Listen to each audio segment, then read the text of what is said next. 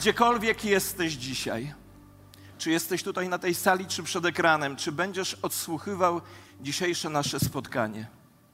Prawda jest taka, że Bóg jest zainteresowany życiem każdego z nas.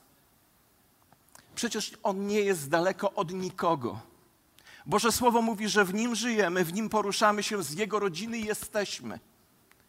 On, żebyśmy mogli Go zrozumieć, przyjął najbardziej zrozumiałą dla nas postać, postać człowieka. Pojawił się tutaj dwa tysiące lat temu, by nikt z nas nigdy nie mógł powiedzieć: Bóg mnie nie rozumie, ponieważ On gdzieś żyje daleko. Bóg Ciebie i mnie rozumie. I to, czego pragnie, byśmy budowali swoje życie na miłości fundamencie, czyli na Nim samym, bo On jest miłością. I jeśli Bóg dzisiaj dotyka Twojego serca, gdziekolwiek jesteś, czy przed ekranem, czy tu na sali, czy będziesz odsłuchiwał tę, to nabożeństwo, Bóg chce być w Twoim życiu. Chce trzymać Ciebie w swoich ramionach.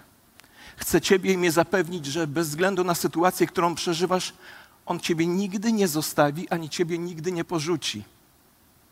Ponieważ jest Bogiem, który chce nas mieć nie tylko tutaj, w tym życiu, ale przez całą wieczność. Pochylmy nasze głowy w modlitwie. Nie rozglądajmy się. Jeśli to, co mówiłem, jest słowem skierowanym dzisiaj do Ciebie, daj znać przez podniesienie ręki. Potrzebowałem to usłyszeć. I tych wszystkich Was, którzy podnieśliście ręce, proszę wyjdźcie tutaj do przodu. Nie ma muzyki, nie ma nastroju emocjonalnego. Niech będzie decyzja serca. Przyjdźcie tutaj, będziemy się o Was modlić przez moment. A jeśli oglądasz dzisiaj to nabożeństwo przed ekranem, Wstań w swoim miejscu, w którym jesteś, bez względu na towarzyszącą tobie rodzinę, przyjaciół, bez względu na skrępowanie, niech to będzie też wyraz twojej, twojego pragnienia Boga. Podejdźcie tu bliżej. Proszę, wyjdźcie z korytarza, z tych przejść tutaj, podejdźcie bli bliżej. A my wyciągnijmy swoje dłonie w geście błogosławieństwa. Panie Boże, dziękujemy Tobie, że nie jesteś przecież daleko od każdego z nas. Jesteś zainteresowany, oddany nam, znasz nasze serce, nasze pragnienie. Panie, i wiesz, jakie chcesz, abyśmy my mieli w swoim wnętrzu pragnienia. Dziękuję Ci, że Twoim pragnieniem dla nas jest spełnione życie. Wiemy, Panie, że to nie znaczy, że nie będzie kłopotów, nie będzie problemów, nie będzie ciężkich chwil, ale wiemy, że w każdej z tej sytuacji będziesz z nami. Bo przecież powiedziałeś, ja jestem z wami po wszystkie dni, aż do skończenia świata. Niech więc was błogosławi wszechmogący Pan i niechaj was strzeże. Niech rozjaśni Pan oblicze swoje nad wami, niech Pan będzie miłościw, niech zwróci twarz w waszą stronę i niech was obficie błogosławi, a Jego uzdrowienie w każdej sferze życia niech dotknie waszych ciał, duszy i ducha. A lud Boży powiedział Amen. Oddajmy Bogu chwałę oklaskami. Usiądźmy, proszę. W tradycji chrześcijańskiej czas, który teraz przeżywamy, nazywamy czasem Adwentu, czyli czasem oczekiwania. Oczekiwania na Mesjasza. My wprawdzie wspominamy Jego pierwsze przyjście i nie oczekujemy Jego pierwszego przyjścia. Jako chrześcijanie, ludzie Jezusa, oczekujemy Jego drugiego przyjścia, które On zapowiedział. Gdy w ogrodzie Eden nasi pierwsi rodzice na skutek swojego niewłaściwego wyboru, na skutek tego, że ulegli pokusie, opuścili to miejsce, które miało być miejscem ich wiecznego przebywania, Bóg złożył obietnicę, że pośle na ten świat Mesjasza. Położy nieprzyjaźń między Tobą a niewiastą, powiedział do diabła. Między jej potomstwem a Twoim potomstwem. Ono, to potomstwo, zdepcze Ci głowę, a Ty ukąsisz je w piętę. Przez całe stulecia Bóg rozszerzał to swoje objawienie dotyczące przyjścia Mesjasza, a ludzie, którzy znali te obietnice, czekali na ich wypełnienie. Nie wiem jak Wy, ale ja nie lubię czekać. Nie lubię czekać, gdy wiem, że czeka mnie coś dobrego za chwilę. Chciałbym, żeby to było już. Ci z nas, którzy jeszcze pamiętają 60 minut na godzinę, to wiedzą, że była ta piosenka, pewnie Magda pamiętasz, że czasem trzeba zaczekać do jutra, żeby na jutro można było mówić dziś. Dziś już nie śpiewam tej piosenki tak jak kiedyś. Raczej oczekuję innych rzeczy, ale nie lubię czekać. Osobiście wolę zająć się czymkolwiek innym niż czekać. Kto z Was ma tak jak ja?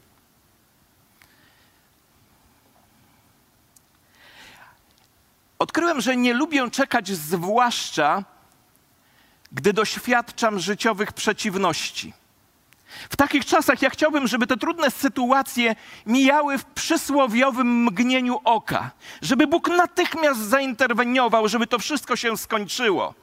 Bo przecież Biblia mówi, posłuchajcie, że przewlekłe oczekiwanie sprawia sercu ból. Lecz życzenie spełnione jest drzewem życia, tak mówił Salomon.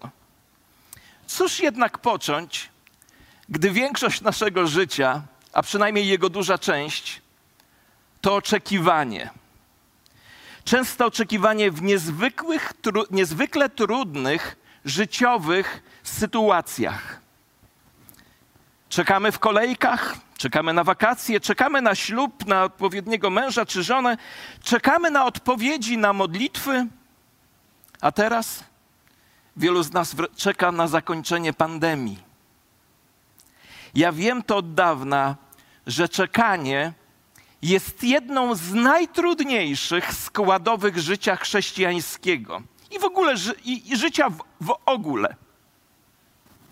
A źródłem tej trudności jest błędne postrzeganie czekania jako biernego poddania się okolicznościom.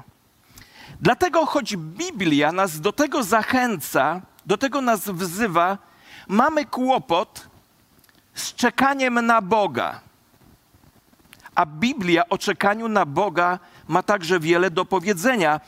A my mamy z tym trudności, ponieważ wydaje nam się, że czekanie na Boga oznacza rezygnację. Natomiast czekanie na Boga wiąże się z Bożymi obietnicami, chociażby tą, że ci, którzy oczekują Pana, nabierają nowych sił. Postrzeganie czekania na Boga jako rezygnację świadczy o naszym braku zrozumienia Biblii i braku poznania Boga. Biblia pokazuje czekanie na Boga nie jako postawę bierności, ale jako postawę proaktywną. Czekać na Boga oznacza aktywne ustąpienie Jemu pola, aby On mógł zadziałać. Aktywne ustąpienie Jemu pola, żeby On mógł zadziałać. I mając do tej pory na uwadze to, co powiedziałem, spojrzymy do kolejnego fragmentu listu Jakuba, który pokazuje nam trzy podstawowe postawy dotyczące czekania w trakcie, gdy doświadczamy życiowych trudności, ale nie tylko. Gdy czekamy chociażby na najpiękniejszą obietnicę powtórnego przyjścia Pana Jezusa Chrystusa. Jakub pisze swój list do chrześcijan żyjących w pierwszym wieku, do chrześcijan, którzy żyli w trudnych czasach, którzy doświadczali wiele bolesnych sytuacji, którzy zmagali się z wieloma sytuacjami ciężkimi, byli uciskani, byli torturowani, byli wykorzystywani, byli okradani, byli obywatelami drugiej kategorii, byli oszukiwani i nic na to nie mogli poradzić. A jedną z ważniejszych kwestii dla nich było, jak zachować żywą wiarę w trudnych czasach, kiedy zakończenia ich nie widać końca. Mieliście takie sytuacje, że już chcieliście, żeby coś się zakończyło z tych trudnych czasów i nie widać było końca? Ja takich sytuacji miałem przynajmniej kilka w moim życiu. Kiedy wołałem, mówiłem, Boże, kiedy to się wreszcie skończy? Kiedy budziłem się i każdego dnia myślałem, co dzisiaj złego się znowu przytrafi. Jak zachować więc żywą wiarę w trudnych czasach, kiedy nie widać ich zakończenia. I Jakub, odpowiadając na to pytanie, uczy nas tego, byśmy właśnie potrafili czekać na Boga. Chodzi o to, żebyśmy nauczyli się czekać na Pana Boga. I kluczowe tutaj słowo brzmi uczyć się. Większość z nas ma problem z czekaniem, jak już, jak już mówiłem. Dla większości z nas czekanie wcale nie przychodzi łatwo.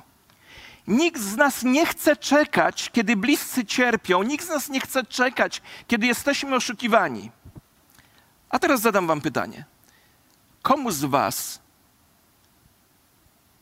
sprawa czekania jest bliska dnia dzisiejszego? Dajcie mi znać przez podniesienie ręki, bo może mówię do, do ludzi, którzy na nic nie czekają. Słuchajcie, większość z nas dotyczy ta, ta kwestia. Nikt z nas nie chce czekać w tych trudnych sytuacjach, jednak często to właśnie musimy zrobić na początku. Po prostu musimy czekać na Boga. Pytanie więc brzmi bardzo praktyczne. Praktycznie.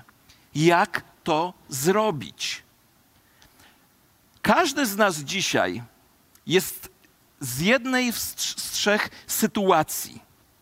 Albo jesteśmy przed trudnościami, albo jesteśmy w trakcie trudności, albo jesteśmy po trudnościach, ale przed kolejnymi trudnościami. Takie jest życie. Dlatego dzisiejsze nauczanie zatytułowałem Trudna sztuka czekania. Co w takim razie można zrobić? Czego chce dzisiaj nas nauczyć Jakub? Po pierwsze, Jakub chce nas zachęcić i nauczyć, albo odwrotnie, nauczyć i zachęcić do przyjęcia postawy oczekiwania. Do przyjęcia postawy oczekiwania. Pierwsza więc rzecz, przyjmij postawę wyczekiwania. Posłuchajcie. Bądźcie więc cierpliwi, bracia, aż do przyjścia Pana. Oto rolnik cierpliwie czeka na cenny plon ziemi, dopóki nie spadnie deszcz wczesny i późny. Bądźcie i wycierpliwi i umacniajcie swoje serca, bo przyjście Pana jest bliskie. Ucząc nas podstawy wyczekiwania, Jakub odnosi się do przykładu rolnika, który czeka na wczesny deszcz jesienią i późny deszcz wiosną. Rolnik uprawia rolę, zasiewa ziarno, wyrywa chwasty, a potem czeka. A potem czeka. Jest taki moment, w którym rolnik jedyną rzecz, jaką może zrobić, to czekać. On nie może sprawić, by deszcz nadszedł wcześniej, ale wie, on wie, że jeśli poczeka, deszcz w końcu nadejdzie. Zwróćcie uwagę i uchwyćcie się tego słowa, które brzmi w końcu. Bo w końcu oznacza to, że prędzej czy później coś, na co czekamy, coś, co usłyszeliśmy od Boga, coś, co wiemy o Bogu, coś, co Bóg nam obiecał, w taki czy inny sposób musi się wydarzyć. Biblia mówi, że nie zawiodła żadna z Bożych obietnic.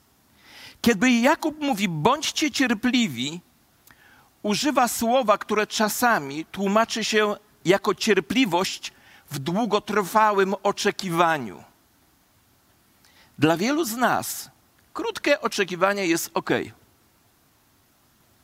ale cierpliwe, długoterminowe i do tego bolesne czekanie już nie jest ok. A często jest tak, że w tym czasie czekania Bóg tworzy w naszym życiu bardzo ważne rzeczy, które będą miały wpływ pozytywny na resztę naszego życia. Wróćmy do przykładu rolnika. Rolnik znosi suszę, wiatry, szkodniki, a nawet złodziei. Podejmuje walkę z tym wszystkim, ponieważ wie, że w końcu nadejdzie deszcz. Susza nie może trwać wiecznie. Rolnik musi stać niewzruszenie w czasie suszy, pamiętając, że w końcu deszcz nadejdzie. Być może jest to słowo pewnego rodzaju prorocze słowo dla kogoś z Was. deszcz w końcu nadejdzie. Wyrażenie czeka cierpliwie jest synonimem słowa, które brzmi, albo frazy, które, która brzmi niemożliwy do ruszenia. Ta fraza opisuje osobę, która jest tak pewna przyszłości, że problemy teraźniejszości nie, nie są w stanie nią zachwiać. I taką właśnie postawę musimy przyjąć w trudnych czasach, zwłaszcza gdy jesteśmy źle traktowani. Pamiętajmy, Jezus przyjdzie znowu. Jezus przyjdzie znowu. Ale ten tekst mówi nawet coś więcej. Werset mówi, ósmy mówi, że powtórne przyjście Pana Jezusa Chrystusa jest bliskie. Jakub chce nam dzisiaj powiedzieć, zwłaszcza właśnie teraz w czasie Adwentu, to jest niezwykle ważne. Bądźcie cierpliwi jak ci rolnicy i nie poddawajcie się, bo wkrótce Jezus tutaj będzie. Powiedział przecież, że wróci. Nie zapomniał o nas i wkrótce powróci po swoich. Jak więc czekać w trudnych czasach? Wszystko zaczyna się od przyjęcia postawy wyczekiwania, od decyzji przyjęcia postawy wyczekiwania. Czekaj wy, wyczekująco. Chrystus powróci, a kiedy to zrobi, wszystko naprawi. Czekaj wy, wyczekująco. Jeśli coś Tobie obiecał, spełni to. Po drugie, oczekuj z wdzięcznością, a nie z narzekaniem. Słuchajcie, to bardzo mocna lekcja. Chciałbym, żebyście byli teraz bardzo uważnymi słuchaczami, bo to jest jedna z najważniejszych lekcji, bo to jest doświadczenie także mojego życia. Oczekuj z wdzięcznością, a nie z narzekaniem. Bracia, nie narzekajcie jedni na drugich, abyście nie zostali osądzeni. Oto sędzia stoi przed drzwiami. Warto, aby każdy z nas pamiętał o tym ostrzeżeniu. Ono jest bardzo poważne. Kiedy jesteś zmęczony, kiedy się boisz, kiedy jesteś zły, kiedy doświadczasz trudności, kiedy się tobie wydaje, że życie daje ci w kość, kiedy oczekiwanie się przedłuża, uważaj na to, co mówisz. Słyszycie? W okresie wyczekiwania kiedy wszystko wydaje się być przeciwko nam, kiedy jesteśmy źli, boimy się, jesteśmy zmęczeni, kiedy doświadczamy trudności, uważajmy na to, co mówimy. Słowo tutaj przetłumaczone jako narzekać oznacza jęczeć, wzdychać. Kiedy masz już wszystkiego po dziurki w nosie i czujesz, że już długo tego wszystkiego nie zniesiesz, zaczynasz narzekać. Po pierwsze, twój duch jest udręczony, dusza, dusz, duszę przepełnia pomruk niezadowolenia, a po trzecie, to niezadowolenie zaczyna się wylewać na zewnątrz. I po czwarte, zaczynasz narzekać na innych wierzących, w ogóle na innych ludzi. Znacie ten mechanizm ze swojego życia? Bo ja go dokładnie ze swojego życia znam. Oni mają więcej dóbr materialnych są bardziej szczęśliwi w rodzinie. Ich dzieci są bardziej inteligentne i się lepiej rozwijają. I zaczynasz narzekać, że traktują cię w niewłaściwy sposób, że źle patrzą na ciebie i ciebie nie szanują, nie spełniają twoich oczekiwań. Pamiętacie, jak kiedyś opowiadałem wam, jak podczas nabożeństwa, na które tak bardzo wyczekiwałem, Byłem nastawiony, co będzie się działo na, tej, na tym nabożeństwie, wymyśliłem sobie, jak ono będzie wyglądało. I gdy się nie stało to co, się, to, co ja sobie wymarzyłem, gdy nie spełniło moich oczekiwań, to stanąłem przed kościołem, powiedziałem, że w ogóle są beznadziejni. To było jak byłem pastorem w Ciechanowie. A potem wyszedłem tylnymi drzwiami, zostawiłem ludzi na sali. Nie znacie mnie z tej strony. Zacząłem narzekać, bo się nie działy rzeczy po, po mojemu, bo nie byłem cierpliwy w czekaniu. Nie wytrzymywałem. Bóg coś robił w swoim czasie, a ja nie czekałem. I to nieczekanie, ta niecierpliwość doprowadziła do tego, że zacząłem narzekać na innych ludzi. Nie spełniali moich oczekiwań. Posłuchaj, kiedy jesteś zmęczony, kiedy jesteś przestraszony, kiedy jesteś zły, kiedy rzeczy nie dzieją się po Twojej myśli, łatwo jest stać się nadmiernie krytycznym wobec ludzi, a szczególnie wobec tych, których najbardziej kochasz. I co gorsza, łatwo jest wybuchnąć w stosunku do nich gniewem, tracąc panowanie nad sobą i skierować do nich niewłaściwe słowa, które na długo mogą utkwić w ich duszy, niszcząc ich życie. Wiem, bo tak ja reaguję. I Jakub mówi: Nie rób tego. Nie rób tego, nie poddawaj się swojej złości, bo w trakcie takiej fazy narzekania możesz doprowadzić do rozpadu swoje małżeństwo, zniszczyć rodzinę, najgłębsze przyjaźnie i dokonać podziału w kościele. I powiem, co odkryłem. Ciekaw jestem, czy się ze mną zgodzicie. Jak chcę znaleźć powód do narzekania, to zawsze go znajdę. Zawsze go znajdę.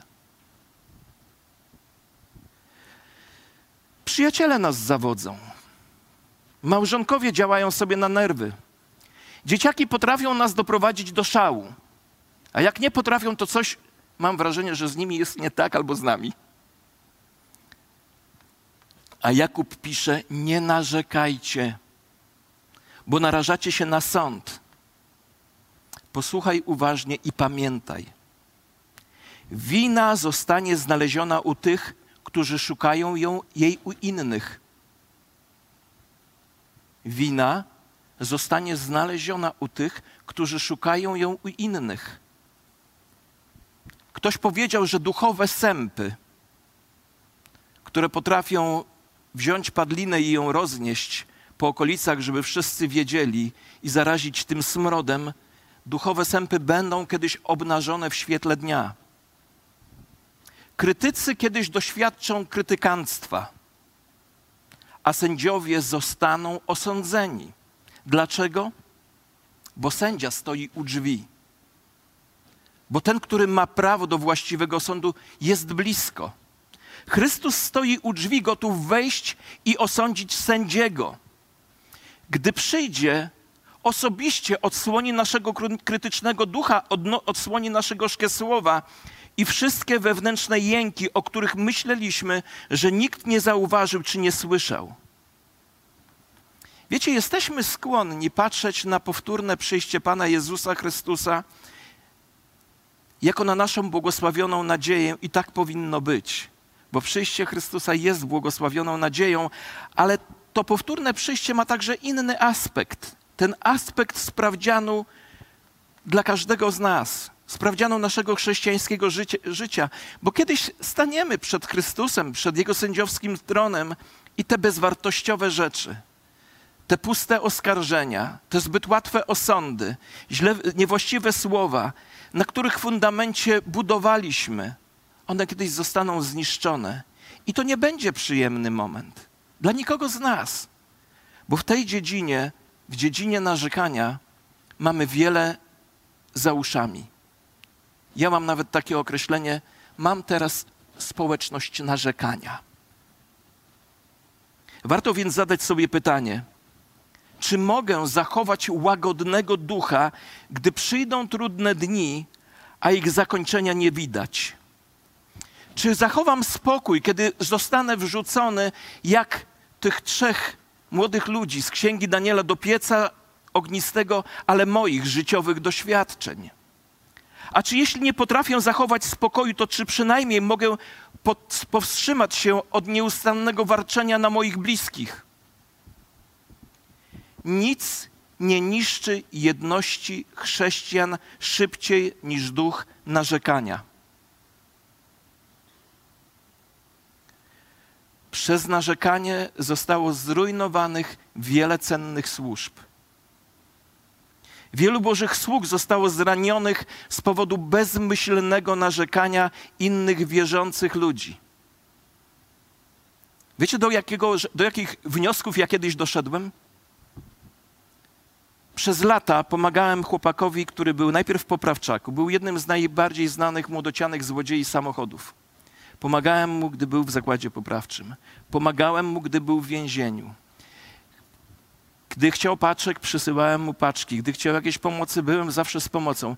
I pamiętam, przyszedł taki moment, że zaczęliśmy mieć problemy w domu, problemy zdrowotne, trochę rzeczy zaczęły się walić. Nie miałem siły nawet do niego napisać. Pamiętam, jak dostałem od niego, po tych wielu latach, dostałem od niego list, w którym zjechał mi od góry do dołu, bo nie, nie wysłałem kolejnej paczki. Pomyślałem sobie wówczas, a gdybym nigdy w życiu mu nie pomógł, to nigdy nie miałby na, na mnie powodu do narzekania. Może lepiej nigdy było mu nie pomóc. Przyszła mi taka niewłaściwa myśl. Ci, którzy mnie znają, wiecie, że lubię pana Tadeusza. Ta, ta, ta, Adam Mickiewicz taki gość napisał. Nieraz sobie cytowałem, głupi śniedźwiegu, gdybyś w mateczniku siedział, nigdy by się o tobie wojski nie dowiedział. Gdybyś nie zrobił tego, a tego dobrego, a potem z jakichś powodów nie zrobił tego, co od ciebie oczekiwano, nikt by na, na ciebie nie wylał tych pomyń, nikt by na ciebie nie narzekał. Ale powiem wam, dzisiaj już jestem w takim punkcie, że wolę, żeby na mnie narzekano, niż żeby nie robić to, do czego Bóg mnie powołał. Pomyślcie o tych rzeczach. Gdy nadejdą ciężkie czasy, musimy najpierw przyjąć postawę wyczekiwania, a potem z wdzięcznością, a nie z narzekaniem, czekać dalej. Jednak Jakub stawia przed nami jeszcze jedno wyzwanie. Trudne wyzwanie. W zasadzie to jest połączenie tych samych niemalże słów. Czekaj cierpliwie. Czekaj cierpliwie. Za przykład nieugiętości oraz cierpliwości bierzcie bracia proroków, którzy przemawiali w imieniu Pana. Zauważcie, że tych, którzy wytrwali, uważamy za szczęśliwych. Słyszeliście o wytrwałości Hioba. Wiecie, jaki był cel Pana. Wiecie też, że Pan jest bardzo litościwy i miłosierny. Ktoś powiedział takie zdanie. Posłuchajcie je uważnie, bo jest bardzo mądre. Czasami zwycięstwo wygląda jak przetrwanie. Czasami zwycięstwo wygląda jak przetrwanie, a przetrwanie jak zwycięstwo. Czasami zwycięstwem jest przetrwanie. Czasami jedyne, co można zrobić, to czekać. Dlatego Bóg błogosławi tym, którzy wytrwają i szanuje tych, którzy wciąż wierzą, kiedy łatwiej jest narzekać i odejść. I Jakub używa tutaj przykładu proroków. Mówili w imieniu Boga, a czego doświadczyli? Oczerniania, atakowania, krytykowania. To o nich czytamy w liście do Hebrajczyków, gdy mowa jest o wysokich kosztach wierności Bogu. Posłuchajcie. Kobiety otrzymały swoich zmarłych przez skrzeszenie, chwała Bogu, ale inni natomiast, inni natomiast zostali zamęczeni nie przyjąwszy uwolnienia, aby dostąpić lepszego zmartwychwstania. Drudzy z kolei doznali zniewak i biczowania, zakuwano ich w kajdany i więziono, byli kamienowani, przeżynani piłą, zabijani mieczem, błąkali się w owczych i kozich skórach, pozbawieni wszystkiego, uciskani, poniewierani. Ci, których świat nie był godzien, tułali się po pustyniach i górach, po jaskiniach i po, i po rozpadlinach ziemi. Kim są ci inni? Ci inni to wszyscy święci wszystkich wieków, którzy cenili wiarę w Boga i wiarę Bogu bardziej niż własne życie. Dziś to są wierzący, którzy z powodu swojego dania Chrystusowi są nękani, są bici, a czasem zabijani. Następnie Jakub odwołuje się do przykładu Hioba, sprawiedliwego człowieka, którego życie i wiara zostały wystawione na ogromną próbę. Chociaż był przygnębiony, znacie historię Hioba. Hioba. Stracił dzieci, stracił majątek, a jeszcze żona mu dodawała do pieca, mówiąc, żeby zaprosił Boga. Ale chociaż był przygnębiony i chociaż był zniechęcony, nigdy nie powrzucił swojego zaufania Bogu.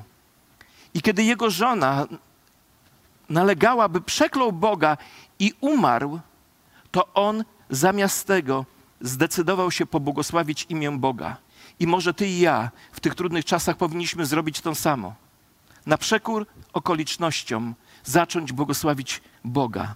A jak przetrwali prorocy? Co sprawiło, że Hiob przetrwał? Jak my przetrwamy czas próby? Wiecie, dlaczego oni przetrwali? Przetrwali, bo wiedzieli, kim i jaki jest Bóg. Wszystko w życiu sprowadza się do jednego pytania: w co wierzysz o Bogu i jakim On jest Bogiem? I jak objawia się w Biblii? Wiecie, możemy uczyć się o Panu Bogu w promieniach letniego słońca, owiewani delikatnym, ciepłym wiatrem. Ale odkrywamy to, kim On jest i jakim jest podczas życiowych burz i w gęstych mrokach życiowych nocy. Jeszcze raz to powtórzę. Możemy uczyć się o Panu Bogu w piękne, słoneczne dni, gdy letni wiatr chłodzi nasze rozgrzane przyjemnie ciała. Ale odkrywamy to, kim On jest i jakim On jest podczas burzy życiowych i w mrokach trudnych sytuacji. Hiob i prorocy rozumieli to, co zapisał Jakub. A Jakub zapisał: Pan jest litościwy i miłosierny. Litościwy, czyli dający to, na co nie zasłużyliśmy, to dobro, na co nie zasłużyliśmy, i miłosierny, czyli nie dający tego złego, na co zasłużyliśmy, tego sprawiedliwego, na co nie zasłużyliśmy. To będzie prawidłowe powiedzenie. Wyrażenie pełen litości, tłumacząc dosłowie, brzmi niezwykle współczujący lub pełen czułości. Hiob na finale swojej historii zyskał daleko więcej niż kiedykolwiek. Musiał przejść i cierpliwie wytrwać straszną próbę, aby to otrzymać. To samo dotyczyło cierpiących proroków. Niewielu jednak z nich otrzymało nagrodę tu i teraz w tym życiu, ale wszyscy oni otrzymali nagrodę wieczności, kiedy spotkali się z Jezusem, z Bogiem twarzą w twarz. Jeszcze raz to powiem. Często jest tak, że przetrwanie jest zwycięstwem. Jak przetrwamy więc ciężkie czasy? Wszystko zależy od tego, jak spostrzegamy Pana Boga. Pomyślmy chwilę o Bogu. Pomyśl chwilę o Bogu. Czy Twój Bóg jest pełen czułości i przepełniony miłosierdziem? Czy taki właśnie jest Twój Bóg? Wiecie, dwie rzeczy, które ja wiem o Bogu i które mi pomagają w moich trudnych czasach. Pierwsza rzecz to to, że Bóg jest absolutnie dobry, czyli też niezwykle współczujący. A skąd to wiem? Wiem to z tego, że Jego istotą, Jego naturą jest miłość. Bóg jest miłością. Pierwsza rzecz, którą wiem o Bogu, to to, że jest absolutnie dobry, czyli też niezwykle współczujący. I po drugie, Bóg jest absolutnie wszechmocny, czyli nie ma dla niego rzeczy niemożliwych. Gdyby był tylko absolutnie miłosierny i łaskawy, wielu ludzi by go nie szanowało. Gdyby był tylko wszechmocny, wielu ludzi by się go bało. Ale nasz Bóg jest absolutnie dobry. Jest esencją miłości i jest absolutnie wszechmocny. Dla Niego nie ma rzeczy niemożliwych.